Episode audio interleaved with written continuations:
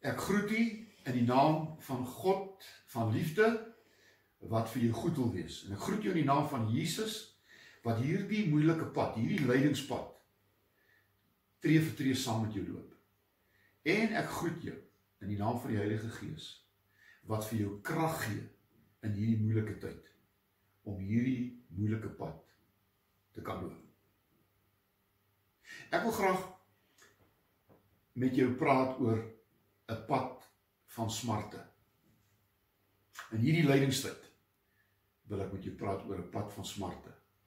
Jesaja 53 vers 3. Jesus was verag en verwerp deur mense.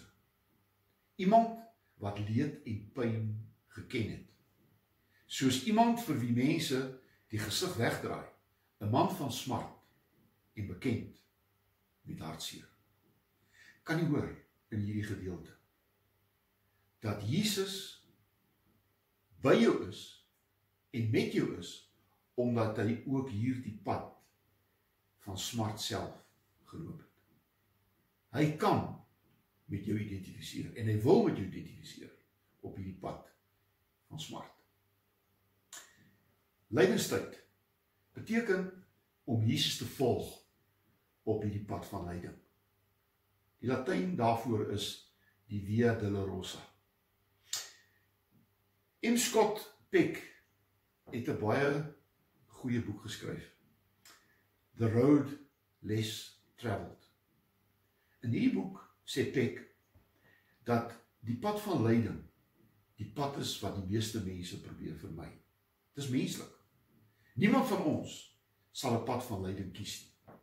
Maar jy sien verkeerde besluite ander mense of omstandighede bring ons op hierdie pad, die pad van lyding en smart. En die hartseer van dit alles is dat ons as mens eintlik nooit vir hierdie pad voorberei is. Ons as mens se natuur is om altyd die maklike pad te kies. Maar hierdie corona virus het die wêreld op hierdie pad van lyding gebring. Ek wil begin deur te sê dat hierdie pad van lyding is 'n mensgemaakte pad. Markus 15 vers 14 staan daar dat die Jode het uitgeroep kruisig hom. Kruisig hom. Dit was nie God wat Jesus gekruisig het nie.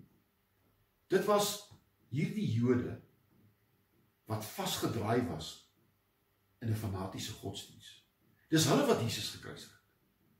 En daarom beskryf Markus hierdie mensgemaakte pad wat Jesus geloop het vir ons so mooi. Markus 15 vers 16 tot 37. Die soldate het Jesus toe in die binnehof gebring en hulle trek toe vir hom 'n persmantel aan en het 'n doringkroon op sy kroon op sy kop geplaas. En daarom het hulle hom gegroet en gesê gegroet die koning van die Jode. Hulle het hom herhaaldelik met 'n stok oor die kop geslaan en op hom gespoeg en hulle knieë gebuig asof hulle aan hom eer wou bewys. Nadat hom klaar gespot het, het hulle hom 'n persma uit die persmantel uitgetrek en sy eie klere weer aangetrek en toe lei hulle hom na die plek waar hy gekruisig is. Hulle bring hom toe by Golgotha, die kopbeenplek. Hulle wou hom wyn gee wat met asyn en middag gemeng was, maar hy het dit geweier. En dan staan teen 12:00 die middag was daar duisternis oor die hele land en dit het tot 3:00 toe geduur. En om 3:00 het Jesus hard uitgeroep: Eloi, Eloi, lama sabachthani. Wat beteken my God, my God, waarom het U my verlaat? En toe Jesus die asem uitgeblaas en het gesterf. Kan jy hoor? 'n Mensgemaakte pad. Dit was die Jode wat op 'n wrede manier Jesus geslaan het, gespoeg het en hom uiteindelik gekruisig het. En daarom wil ek weer eens sê God is nie die oorsaak van lyding nie. Dis ons as mens wat lyding produseer. Dis ons wat lyding in die wêreld bring. En die geskiedenis getuig daarvan. Oorlog, vervolgings, peste, epidemies, aardverwarming, droogtes, is alles toe te skryf aan die toedoen van die mens. En daarom moet ons ophou om God die oorsaak te maak van lyding. God het alles goed geskaap. Maar God het aan die mense 'n keuse gegee. En deur die mense verkeerde besluite was die konsekwensies van hierdie verkeerde besluite hartseer, pyn en lyding. En daar is miljoene mense wat hierdie toedoen van mense op hierdie oomblik op so pad is. En jy wat na my luister, miskien is jy ook op hierdie huidige oomblik op 'n pad van lyding, hartseer, pyn. Wat jy miskien oor jouself gebring het, miskien ander mense veroorsaak het, miskien omstandighede, veral hierdie koronavirus. Maar die een ding wat ek vir julle wil vra, is dat jy asseblief nie God die oorsaak daarvan sal maak. Want God is 'n goeie God en nie 'n God wat ons wil seermaak en wil laat swaar kry. En daarom die tweede plek wil ek vir julle sê, op hierdie pad van lyding is God saam met jou. Markus 15 vers 34 het ons gelees, het Jesus uitgeroep: "My God, my God, waarom het U my verlaat?" Dis eintlik Psalm 22 vers 2 wat Jesus hier uitroep. Want op hierdie oomblik het Jesus God verlate gevoel. En weet jy, op 'n pad van lyding en hartseer voel 'n mens dikwels, maar God het jou nie steek gelaat. Jesus het jou gevoel.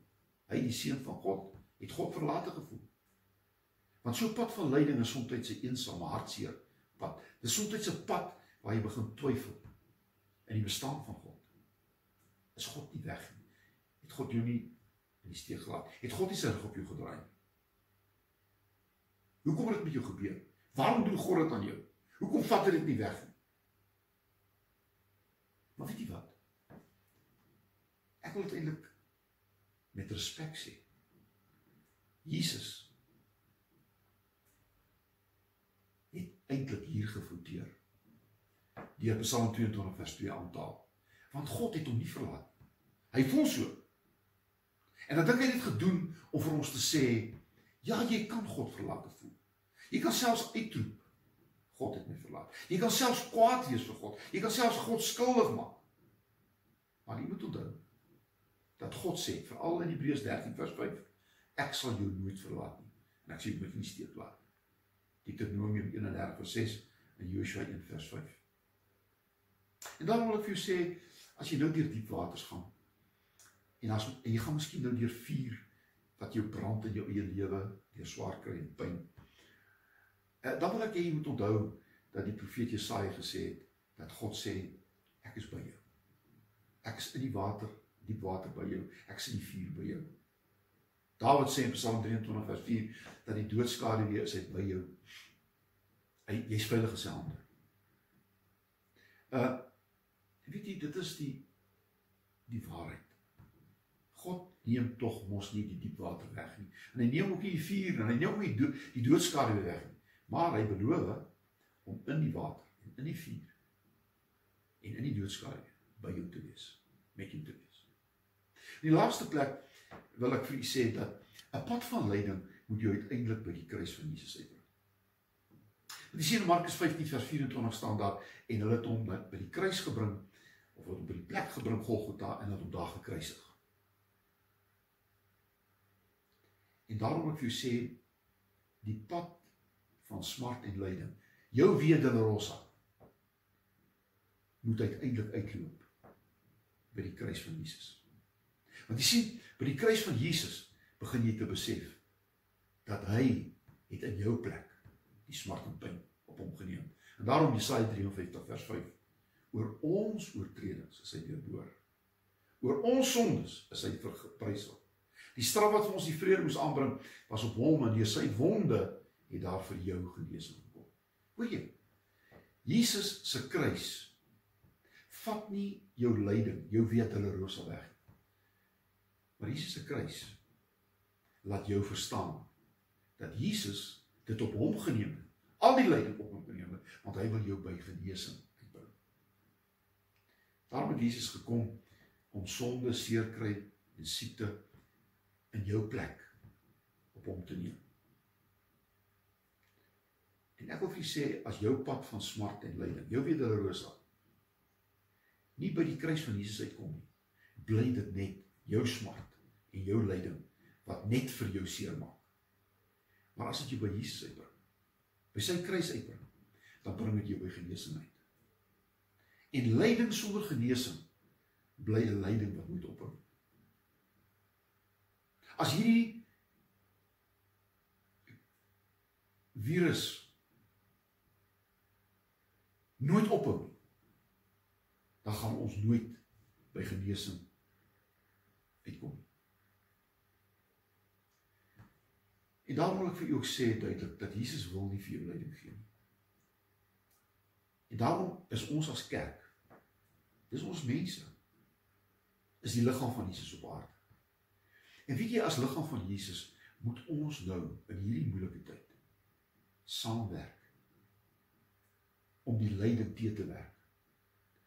Om mense op hierdie pad ook by te staan en te help. En moet ons ook vir hulle by Jesus se genesing bring. En dan moet ons saam met die dokters werk. Moet ons saam met die regering se se beroep dat ons moet fisies van mekaar wegbly en moet ons dit gehoorsaam. Want dit is alles deel van 'n genesing genesings genesingspad as ons dit nie doen nie dan vergroot ons die lyding en vergroot ons hierdie corona virus se lyding en pyn wat dit bring in mense se lewens en dan moet ons 'n span saamwerk en dan moet ons ophou